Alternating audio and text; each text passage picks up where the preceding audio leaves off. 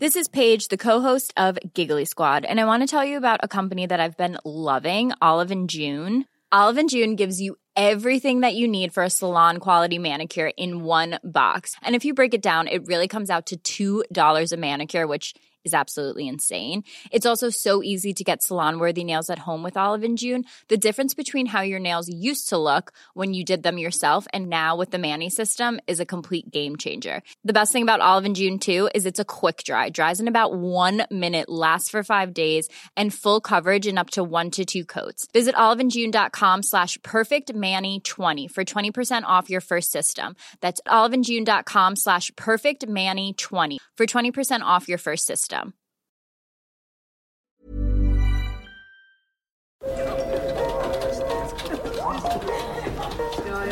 Dette er lyden av norsk næringsliv. Akkurat nå tas det små og store valg som kan bli avgjørende for fremtiden. Med økonomisystemet X-Leger tas disse beslutningene basert på informasjon i sanntid, slik at drømmer og ambisjoner kan bli virkelighet. Få kontroll og oversikt. Gå inn på xledger.no. Denne sendingen er sponset av Xleger.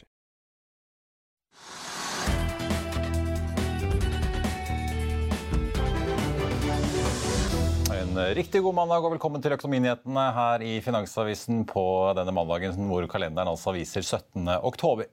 Hvis du trodde det bare var oppdretterne i Norge som har fått kjørt seg på børs den siste tiden, så burde du ta en titt på hva som skjer på land, for Atlantic Sapphire-aksjen er nesten halvert i dag. Etter en melding fra selskapet, og hva som skjer får vi høre mer om straks når vi får med Kepler Chevrøs Christian Nordby.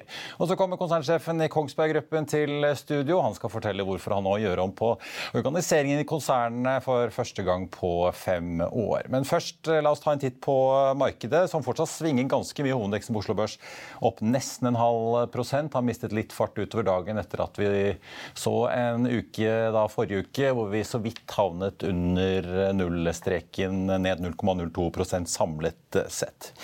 Equinor har vært opp i dag, men er nå ned 0,8% Dagens Næringsliv melder at eh, selskapet vurderer å kjøpe opp den kinesiske eh, Sinox sin virksomhet på britisk sokkel for over 20 milliarder kroner. og De siterer kilder både i Equinor og finansmiljøet i London, uten at Equinor verken vil bekrefte eller avkrefte det. er kanskje ikke så veldig overraskende.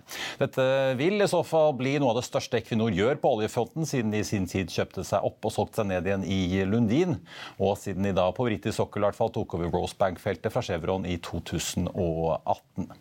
Ellers blant oljeaksjene så er det litt eh, blant i dag. Vår Energi ned 0,2 Aker BP opp så vidt 0,1 mens nå ligger ned 2,1% med en oljepris da som har snudd. Eh, både fra pluss til minus og tilbake til pluss igjen i dag. Nå ligger vi på 91,86 for et fat nordsjøolje.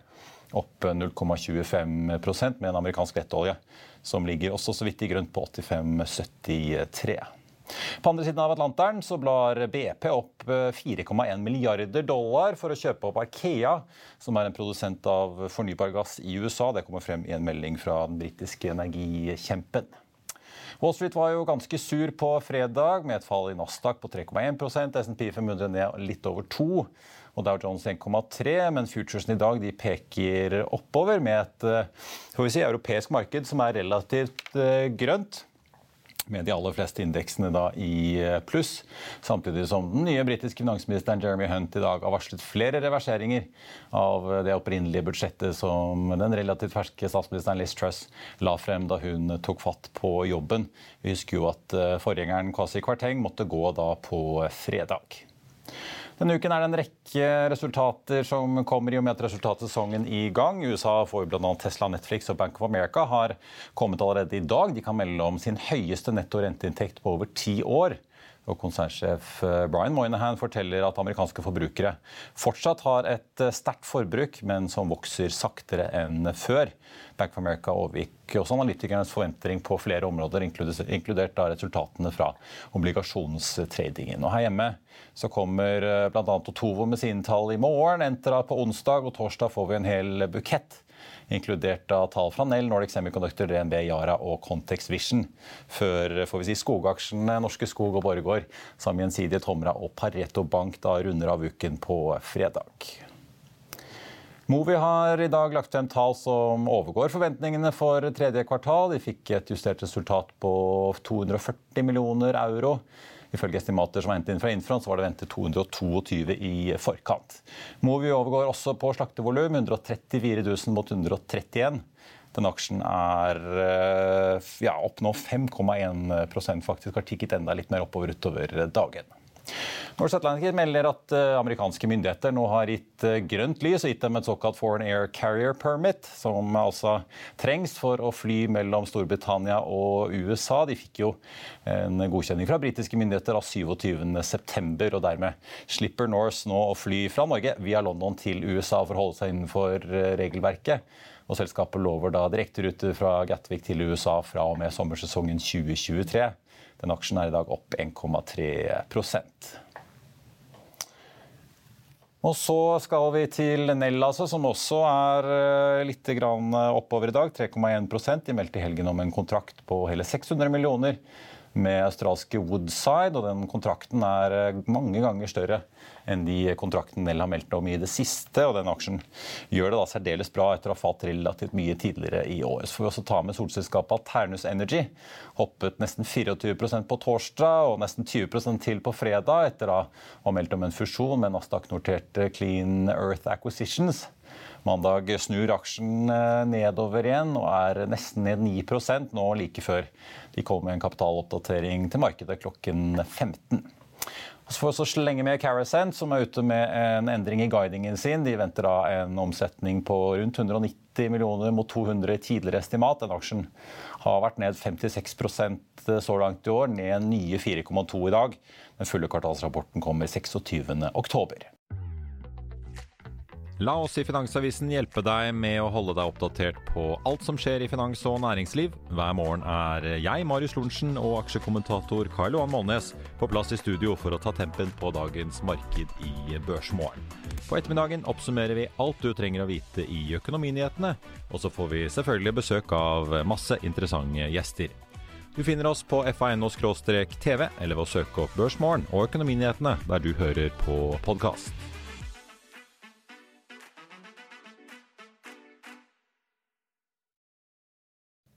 Skal vi til oppdrett på land, nærmere bestemt Atlantic Sapphire, som i dag altså kom med en oppdatering på kvartalet som ser ut til å ha skremt vettet av mange i markedet. Kristian Nordby, analytiker i Kepler Chevrolet, takk for at eh, du er eh, med oss.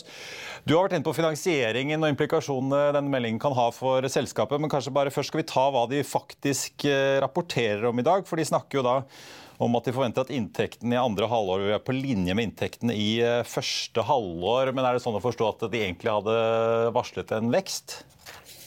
Ja, nå har vi jo tenkt at Atlantic Sapphire skal få til litt mer volum ut av tankene sine. Og så har de jo tidligere snakket om at de potensielt kan gå EBDA break-even eh, på et eller annet tidspunkt om ikke altfor lenge.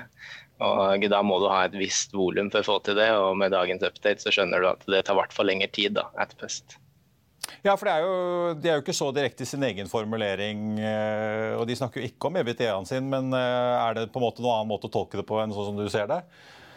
Jeg syns det er vanskelig å tolke det på en annen måte enn at eh, dødelighet betyr økt kost. Og så er det jo også sånn at selskapet sier de skal slakte mye mer liten fisk, og liten fisk får ikke samme prisoppnåelse som det er stor fisk får. Da. Og da er det sånn at topplinja di blir ikke like høy som den ellers kunne blitt. og da blir det vanskelig for selskapet å få den inntjeningen vi hadde håpet på.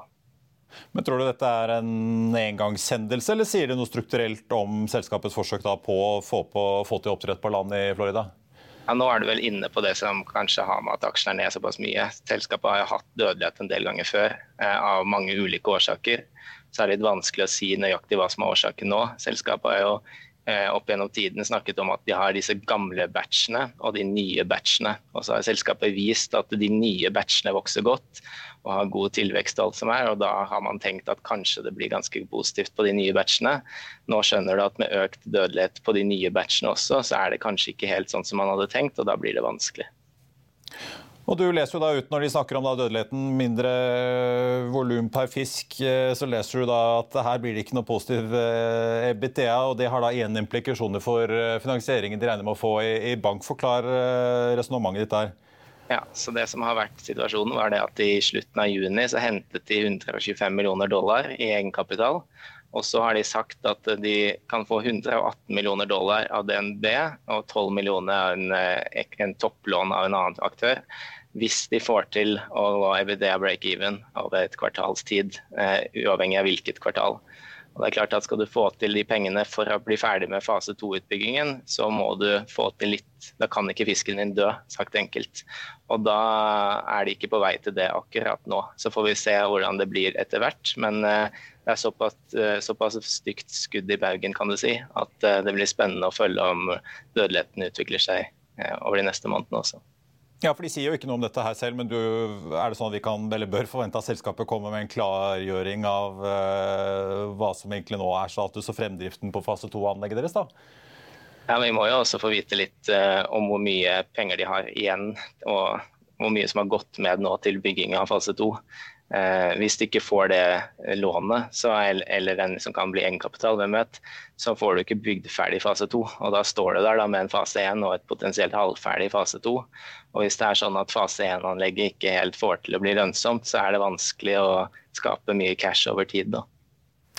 Uh, dette er jo åpenbart en, en aksje med, med, høy risiko. Du hadde jo en holdanbefaling på 20 kroner tilbake i ja, siste oppdatering, i hvert fall jeg så i Bloomberg-terminalen, var fra september. Uh, så var du jo inne på det. De hentet jo da penger her uh, for sommeren til 2050. Nå har den jo ligget på noen drøye 7, ja, 7,18 ligger den på nå, da ned 44% Er det fare for at en emisjon her som kan presse denne kursen enda lenger ned, eller?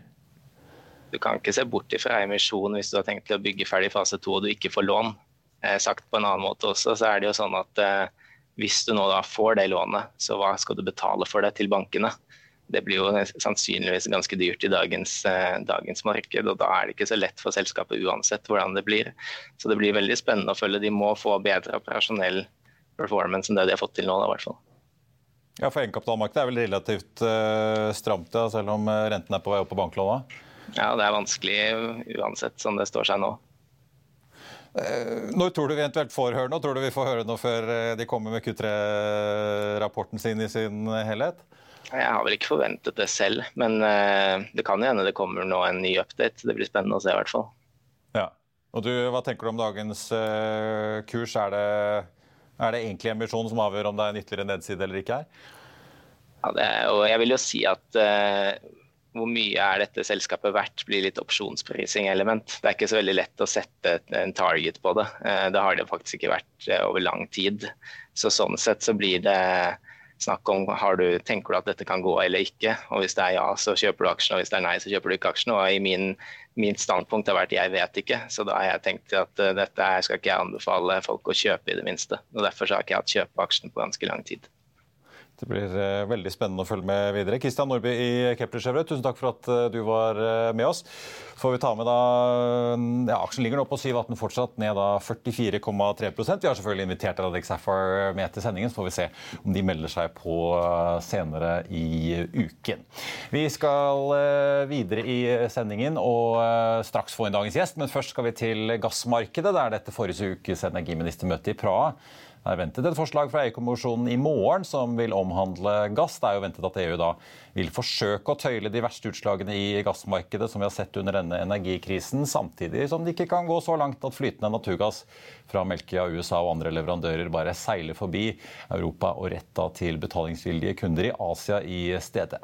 Bloomberg melder i dag at man i kommisjonen nå jobber med et dynamisk pristak. Bare se her. The European Commission plans to put forward a dynamic price cap on the EU's biggest gas exchange. It's part of a range of measures to tackle the energy crisis. That is according according to a draft document of the plan seen by Bloomberg. I'm pleased to say Maria Tadeo joins us here in London this morning. Maria, very nice to see you in person this morning. So tell us, what an, I mean, it's hard enough to understand price caps broadly. Now we have a dynamic price cap. What is that? Yes, and Anna, that was the first question I put to a source yesterday. I was like, what is a dynamic price cap? You need to really explain this because dynamic, what does it mean? So essentially, uh, what it, uh, the, the fundamentals of this, if you go back a few weeks ago, the European Commission has been clear that the TTF no longer reflects the price dynamics. This is the Dutch benchmark. Exactly. Mm. For gas prices, they say this doesn't really reflect the real dynamics. We're moving into LNG. We've moved away from Russian gas. There's a lot of speculation going uh, here. So there has been a debate as to do you cap it entirely? Is it a way to put a limit on it?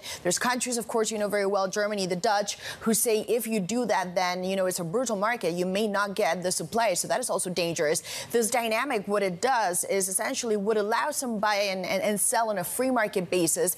But once you go past a point, you do a limit up. The transaction is closed. Essentially, the key question is what's the percentage swing that you would allow on a daily basis, and what is that price limit? That, from what I understand, has not been decided. Mm. But it really is the key as to whether or not a dynamic price cap works or not. Yeah, absolutely. And where it is set versus what Asian buyers are, are, are pay, worth, uh, are willing to pay. Also a key question. So that's how it could work then, in theory. A lot of details still to understand. But how likely is it at all that yeah. this gets implemented? And by the way, Anna, there's a story that we've had this morning suggesting that the Chinese are now telling their own gas importers do not sell or resell in this mm. market because you don't know what's going to happen in the winter. You really need to keep the stocks up. So it is a brutal market uh, out there. Now, in terms of a dynamic or not, we're going to get a deal by the end of the week. Remember, von der Leyen promised a major intervention by the end of the week. We know the European leaders will gather in Brussels. I'll be there, by the way, so we're back uh, mm-hmm. home to some extent on the Thursday, Friday, and there needs to be some type of political deal. Tomorrow, we're expecting a document, finally, an executive roadmap, but then it comes down to the 27, and I think they're very far apart. You know, I, I've never heard anyone tell me there's consensus already on a Monday, but you know, four days in Brussels is a lot. Da skal vi snakke om eh, en av Norges største industri- og teknologikonsern eh, og et nytt grep de tar inn fornybar i det som også er eh, får vi si, kanskje den største endringen vi har sett siden 2017, når dere slo sammen forsvarsdivisjonen. Konsernsjef Geir Hoi i Kongsberg Gruppen, velkommen. Takk for det. Mange som husker dere, vil jo huske Kongsberg Oil Gas Technologies, som dere jo et etter, eller under oljebremsen gjorde om til Kongsberg Digital. Tok inn en del elementer fra Kongsberg Maritime som eh, du jo ledet i sin tid. Så var det forsvarsenhetene som ble slått sammen til dagens Kongsberg Defence and eh, Aerospace. Og nå er det altså etableringen av Kongsberg Renewable Technologies. Ja. Forklar. Hva, hva, hva skal den divisjonen være for noe?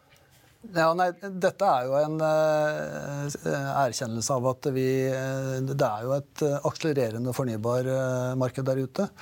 Og det er jo ikke sånn at vi starter med fornybar i dag. Altså, det, det skjer veldig mye på fornybar innenfor de I Kongsberg Maritime er det jo mye innenfor havvind og forskjellig allerede. Ja. Ja, og også innenfor, vil jeg si, særlig satellittsegmentet vårt, så ser vi jo anvendelser av, av den type teknologi. Så, så, dette er egentlig for å både styrke det vi har innenfor forretningsområdene, men også å se på mulighetene på tvers av forretningsområdene og styrke domenekunnskapen vår innenfor den nye akselererende fornybar, og særlig innenfor uh, havvind, uh, vil jeg si, da, uh, fornybart til havs. Ja, for Dere har jo Kongsberg Digital, Kongsberg Maritime, Kongsberg Defence i dag. Ja, tre store på en måte, virksomheter. Digital er jo den nyeste på, på stammen, men likevel skal men skal denne nye fornybarenheten skal de ha sin egen produktportefølje, eller hvordan er oppsettet? Ja, nå, nå, er det jo under etablering, og nå skal vi begynne å ressurssette dette, dette, selskapet. Eh, jeg tenker jo at dette får jo tiden vise, hvordan dette skal, skal, bygges opp, og hva som blir innholdet i den. Eh, det vi ser, er at det er områder innenfor, innenfor fornybar, og særlig, som jeg sa, innenfor havrommet, hvor vi mener, eh, hvis vi drar på alle de kapabilitetene og domenekunnskapene vi har, eh, og syr dette sammen, så kan vi komme med, flere, med, med mer eh, si, nye løsninger, nye systemløsninger. Her er det jo både energiproduksjon, energilagring, energitransport, konvertering av energi til andre energibærere, som, som vi ser at Kongsberg samlet sett kan komme med, eh, med en eh, value proposition eh, som ikke nødvendigvis er så lett å ta fram innenfor de kjerneområdene, altså Kongsberg Maritim eller Kongsberg Digital. Ja, for Dere leverer jo selvfølgelig i dag utstyr som dere leverte andre skip til disse havvindserviceskipene. Styring av gangbroer til havvindmøller. altså Det er jo mange av disse ulike teknologisystemene man trenger for å drifte vindfarmer til, til havs. Ja, altså, vi har jo, jeg tror I 2021 så hadde vi en ordreinngang på halvannen milliard på havvind, og da in, vessel infrastruktur, eller fartøyinfrastruktur. Og den fortsetter å vokse i 2022. Men det vi ser, er jo at det er Eh, som jeg sier, eh, flere ting vi kan eh, bidra med her fra Kongsbergs del. Og så er det nok noen gap i domenekunnskapen vår som selvsagt vil bli veldig interessant for Kongsberg Renewable Technologies å se fins det partnere eller oppkjøp der ute som gjør at vi kan bygge opp noe som i tillegg til det vi har innenfor de forretningsområdene vi har. Ja, for, vet dere hva, for Du snakket jo noe om de feltene dere er, på en måte er ganske tunge og etablert på i dag. Eh, inkludert liksom energistyring og selvfølgelig da skipskontroll. Eh, men vet dere om det er noen nye områder dere vil inn i eller bli sterkere på? Ja, jeg, jeg, tenker at eh, Det er særdeles uh, interessant å se på dette her med å kontrollere forskjellige uh, ikke-kontrollerbare energisystemer. dette med lagring, dette med konvertering av energi til andre typer energibærere, det er jo områder Vi, vi annonserte jo f.eks. i april Highpoint-satsinger sammen med Arendal Fosskompani og Morell. og dette er jo typer prosjekter som vi ønsker å, å se mer på. den type prosjekter som ligger litt på utsiden av maritim, litt på utsiden av digital. Eh, og se på hvordan vi kan brygge opp den type domenskap i KIT. Både for å bygge ny eh, verdiskapning, også for å styrke eh, de respektive forretningsområdene vi har i dag. Ja, Litt flere ser konturen av at eh, man vil bygge vindparker som skal produsere hydrogen f.eks. Hvis det blåser ja. i gåsene for mye mer enn nettet tar unna, kanskje? eller? Ja, ja ikke sant. Og, og, og, hvordan du skal eh, håndtere den type miks av energier som vi, vi, kommer til å få eh, framover, så tror jeg det er muligheter for et selskap som Kongsberg. Men, men, og dette er jo ikke noe som vi, altså, vi har jo holdt på med å tenke hvordan vi skal ta en større del av den verdikjeden i Kongsberg. I, og, og med utspring i KM. Og så er det krevende eh, for et selskap som KM, som er såpass diversifisert i dag. Vi har jo en undervannsområde eh, eh, som kan bidra veldig mye på miljøovervåkning, f.eks. Vi har en satellitt, satellittdivisjon som kan bidra på surveillance-biten. Vi har surveillance på havneovervåkning som også kan bidra. Og vi snakker jo mye om sameksistens her i forhold til disse havområdene da, som skal bygges ut. Sånn fiskeri, oljeplattform og havvindmøller ved siden av hverandre. Ikke sant. Ja. Så, så, her tenker vi at, eh, at, eh, vi har veldig mye kunnskap som kan uh, bidra til å gjøre dette her Både akselerere det som skjer nå, men vi tror også Kongsberg, med eventuelt som jeg sier, nye partnere inn, kan skape ny verdiskapning for, for Kongsberg og Norge. Og ikke minst for eksportindustrien. For det skjer veldig mye på utsiden av Norge. Ja, for du var inne på det, altså, Dere har fått inn halvannen, omtrent halvannen milliarder kroner i, i havvindrelaterte ordrer eh, i Kongsberg Gruppen i, i fjor. Eh, vokser i år. Men dere har jo satt et mål om da, på konsernnivå og nå da, en fornybaromsetning på tosifret milliardbeløp da, i 2030. Mm. Hvis jeg tolker målet riktig. Det er jo et langt stykke over der hvor Kongsberg Digital er i dag. For eksempel. altså Kongsberg Maritime er jo på de eh, nivåene de Jeg ligger liksom på 10-20 milliarder omsetning. Mm. Eh, den veksten der du snakker om kanskje dere skal gjøre noe oppkjøp, altså hvordan skal dere få den til? Det er jo tross alt ikke så mange år til 2030. Nei, jeg tenker det er fullt realistisk. Da går du mangegangeren fra fjoråret? Ja. ja, men altså, dette er jo samlet for konsernet. Og som jeg sier, vi, vi har jo aktiviteter innenfor fornybar i dag.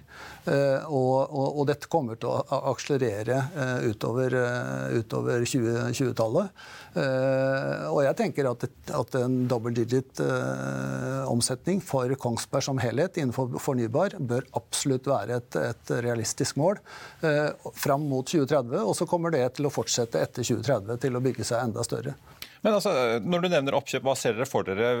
I sin tid gjorde dere noe mindre oppkjøp innen oil and gas som var veldig sånn spesialisert. Eh, så gjorde jo Kongsberg Maritime et stort oppkjøp av Rolls-Royce Commercial Marine for noen år siden som eh, dere fusjonerte. Så dere har jo på en måte gjort eh, alle typer innenfor M&A-området. Hva ser dere for dere her da fremover på fornybar? Det er ganske interessant. Hva slags mandat har du gitt Egil Haugstad, som skal lede denne satsingen? Eh, nei, nei altså det, det, er ganske interessant. da, for det, som jeg sier, vi, vi i Kongsberg Gruppen totalt sett besitter jo en del domenekunnskap som er veldig viktig, og er, hvor vi er ganske gode og har holdt på med mange år. Og så er det nok noen, noen, områder hvor vi også ser at det er noen gap som vi, vi, gjerne kunne tenkt oss eh, noe mer kunnskap rundt. Eh, for det handler jo om å sy sammen disse løsningene, både eksisterende teknologi og også og ny, ny teknologi som kommer nå fremover fremover. Og da er det jo gjerne Det kan være alt fra startups til, til noe mer etablert, som da bringer Adson til det som allerede eksisterer i Kongsberg. Eh, så får vi jo se, da. Hvis eh, business-casene til Egil eh, blir solide og fremtidsretta, så, så, har vi muskler til å løfte nye muligheter. Men så kan vi komme til å se noe av Rolls-Royce igjen. Altså, det var jo et oppkjøp på fem milliarder vel i sin tid? Ja, det er ikke noe Egil Jeg antar at ikke Egil kommer med det i morgen. Ja. men, men altså, som jeg sier, Kongsberg har muskler til å ta satsinger, og vi, vi mener at fornybar kommer til å være særdeles viktig for oss og, og den videre veksten til Kongsberg, og, og særlig innenfor det sivile området, selvfølgelig, eh, som, som, eh, som, Kongsberg er villig til å putte eh, og investere inn i, i eh, fremover. Og så får vi se de mulighetene. Vi ser på flere selskaper og har gjort det eh, fram til nå, og kommer til å, å søke nye muligheter, som jeg sier, og særlig da på domenekunnskapen, som jeg tror er særdeles viktig. Én ting er jo teknologien vi har. Den andre er domenekunnskapen innenfor eh, det, det, det området. Eh, Tenker, altså på Kongsberg Digital har dere vært ganske åpne på at dere har uh, vurdert å ta inn en ekstern partner, enten finansiell eller industriell, kanskje en børsnotering. Så har jo ikke akkurat markedet for børsnoteringer vært så veldig hett i det siste. Så det har jo virker å ha blitt, blitt, lagt litt på, på, is. Men hva ser dere for dere med denne fornybarvirksomheten? Skal den også, eller Vurderer dere å ta inn eksterne aktører her for å hjelpe den til å vokse fortere, eller skal dere ta dette på, på egen rygg de neste årene som sådan? Tradisjonelt så har jo Kongsberg vært sånn at vi skal ha 100 mm, eierskap og, og, og, og i hvert fall kontroll. Og så tror jeg at her eh, kommer vi til å være noe mer eh, pragmatisk i forhold til liksom hvilke muligheter som byr oss. Og, og igjen så, så, handler det om eh, å se de riktige mulighetene. Og så får vi se hva tiden bringer. Fokusen vår er å ta et større scope innenfor fornybar, og spesielt innenfor havvind. Mm. Det holder dere stort sett til havs, hvert fall? Vil jeg... Det holder oss eh, i hvert fall stort sett til havs. Du, til slutt, Når jeg først har deg her, så må jeg jo høre om, om utsiktene ellers i markedene dere opererer. Eh, dere har jo vært en uh, veldig populær aksje i disse urolige tidene. Åpenbart fordi at veldig mange land uh, ser på forsvarsbudsjettene sine og ruster opp. Vi har også en maritim sektor hvor veldig mange verft har veldig mye å gjøre. Uh, skal vi begynne med forsvar? Det er ikke så lenge siden dere meldte vel her forrige uke at Spania velger da NSM-missilet som dere leverer med med Raytheon. Amerikanske marinen bestilte over 300 millioner kroner hvert til av det også. Ser dere en ytterligere opptrapping i, i viljen til å investere i forsvar fra kanskje da primært europeiske land, eller? Ja, vi, har, vi, har, jo hatt en, eh, en bra vekst i, innenfor Kongsberg Defence and Aerospace de siste par årene. vil jeg si, Og, og pipelinen som har ligget der, har jo vært ganske solid eh, lenge. Eh, og, og, nylig på kapitalmarkedsdagen vår i, høst, så, nei, før sommeren, før sommeren ja. Eh, så sa vi også at den, den pipelinen hadde ytterligere forsterka seg. Og særlig innenfor eh, missilsiden. Eh, og også på luftvernsiden. Så eh, de, det, det, ser veldig lovende ut i forhold til liksom eh, ordremulighetene fremover. Ja, for vi ser Branntsegg i Nammo står jo på TV og snakker at det er nesten som å be europeiske land roe ned innkjøpene. For det er nesten så industrien ikke klarer å produsere opp alt som nå ja. blir sendt til Ukraina og brukt til testing og øvelser og det som er. Men, men dette, er, dette, er, ikke noe vi altså, det, Selvsagt så det som skjedde 24.2, eh, har jo eh, selvsagt eh, påvirka nasjoner, som du sier, og til å se på forsvarsbudsjettene sine. Men pipelinen vår har vært veldig sterk egentlig de siste par årene. Eh, og, men vi ser også økt eh, etterspørsel i disse dager i forhold til både missil og luftvern og andre kapabiliteter som Kongsberg kan levere. Så, så så det er, eh, det er Ingen avtagende interesse der? Akkurat. Ingen avtagende interesse. Så kommer jo eh, si. Patria, som dere jo er en del av, kommer jo inn i Nato så ja. det blir vel også litt endringer. Eh, på maritim side, la oss ta bare det da, til slutt. Vi hører jo om veldig busy verft, for å si det sånn. Hvordan ser det ut der for dere fremover? Det er jo også mange som snakker om at verden går inn i en resesjon og veldig usikre tider neste år. Ser dere noen tegn til noe oppbremsning for i det maritime markedet? Eh, vi, vi, vi, registrerer jo at eh, det er eh, si, krevende kapasitets, altså tilgang til, til, kapasitet på verftene, vi også. Det vi ser nå, det er fortsatt en bra aktivitet på nybygningsmarkedet. Men ordrene skyver seg lenger ut, og det begynner å fylle opp 2024 og 2025. Det er lenge siden jeg har, har opplevd i, i, den maritime bransjen. Samtidig så er det veldig bra aktivitet på ettermarkedssiden. Eh, veldig mye som skjer der eh, innenfor olje og gass. Eh, men igjen, det handler jo om å ta ned utslippene. Og der har Kongsberg Teknologi, som, som absolutt er aktuell. Og, og, vi ser en økende etterspørsel etter hybridløsninger. nye Det er veldig mye som skjer på, på subsea-siden, på autonome farkoster. Så, så, generelt så er det veldig bra aktivitet, og så er det veldig bra aktivitet på, på LNG. Det er jo kontrahert 130 30 ish båter eh, så langt i år, og det er et sterkt marked for Kongsberg Maritime. Ja. Og container hører vi også at eh, det er mye tonnasje på veien. Ja. ja. Så får vi eh, en enda mer utfyllende for å si, guiding når dere kommer med kvartalsrapporten om ikke altfor lenge. Ja, det er bare... Da har du vel litt friere tøyler på da? Ja. Da får vi komme tilbake til litt mer outlook. Geir Hoie, tusen takk for at eh, du kom innom og fortalte om uh, nysatsingen. På tappen av sendingen tenkte jeg vi bare skulle ta en liten fot i bakken på uh, markedet og noen av de aksjene som har litt nyheter knyttet rundt seg. DNB Markets tar jo opp dekning på Hexagon Composite, som jo er ute med denne kontraktsnyheten da. Kjøpsanbefaling kursmål på 29 kroner. Den aksjen er opp da 1,6 i dag til 22,62 ligger den på eh, nå. Så er det Hydrogenpro da, som får kursmålet hevet av Guide Aarvik i Pareto fra 35 til 45 eh, kroner. Og den aksjen ligger på 28,05 nå, opp 7,5% i eh, dag. SEB har også gjort en rekke oppdateringer på sjømatsektoren som du kan lese mer om på fa.no. Sparebank Markets nedgraderer Hydro i dag fra da nøytral til salg. Kutter kursmålet fra 70 til 55. Den aksjen endte fredag på litt over 61 kroner. Nå ligger den på 61,6 øre ned 0,7 Hydro fikk seg jo et kraftig løft da i forrige uke. da Det kom rapporter fra USA om at Det hvite hus vurderer eh, potensielt en full embargo av russisk aluminium. Eh, som da selvfølgelig vil påvirke Hydro eh, kraftig. Canopy Holdings i dag har meldt om en ny finansdirektør, eh, James Price. Etterfølger da Ivar Blekestad, som skal forbli selskapet frem til november. Og så har det også kommet melding fra elektronikkselskapet Hitron, som vi jo traff eh, nede på Arendalsuken. De skal ha kapitalmarkedsdag da den 13. desember her i eh, Oslo, hvor de lover en oppdatering på strategiske og finansielle ambisjoner for uh, selskapet. På Oslo Børs ellers, hovedindeksen opp 0,7% nå til 1121,2 poeng, med Equinor på topp av mest omsatt-listen ned en halv prosent. Aker BP opp 0,75.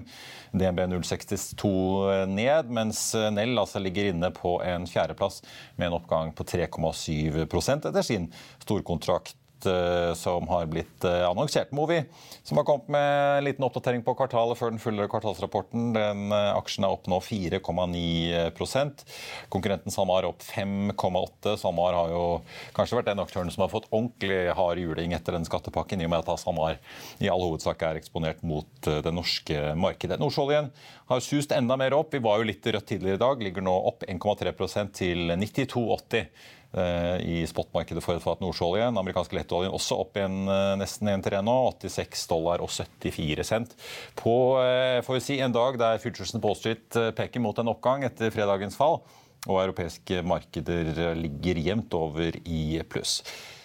Så får vi bare si eh, Proximar Seafood, som jo fikk eh, landet denne konvertible obligasjonen. En av dagens store tapere ned 20,6% til 4,2. De kuttet jo konverteringskursen fra 65 kroner på den obligasjonen. Og så er det jo da selvfølgelig Atlantic Sapphire, eh, store store taperen i dag etter deres oppdatering om utviklingen da i den landbaserte oppdrettsvirksomheten i Florida. Ned nå 44,8% 7,13 7 kroner og 13 øre aksjen ligger den inne på nå, altså nesten en halvering da fra fredag. Og Det var økonominyhetene på denne mandagen, får vi si. De Eh, skal vi bare rulle litt eh, videre her. Vi er jo da tilbake igjen eh, med Børsmorgen i morgen tidlig. Da skal vi få besøk av Hans Erik Jacobsen i Nordea, som skal snakke både fly, Hydro og kanskje også litt Kongsberg med oss da på tampen. Og så får vi også si at i morgendagens avis Så kan du lese om eh, Sandra Borch og pekefingerpolitikken, som Trygve skriver om i sin leder. Og så kan du lese om de store endringene som er på gang hos Goldman Sachs. Om eh, hvor god butikk det er å være franchisetaker hos McDonald's og Burger King. Og så blir det børsintervju med Investex seniorforsker Asbjørn Taugebøl. Og Det var økonominyhetene altså for denne mandagen 17. oktober. Og så skal vi jo da selvfølgelig da minne om at økonominyhetene er tilbake klokken 14.30 etter Børsmorgen i morgen. I mellomtiden så får du alltid siste nytt på fa.no. Mitt navn er Marius Thorensen. Takk for at du så eller hørte på, og så håper jeg vi ses igjen i morgen.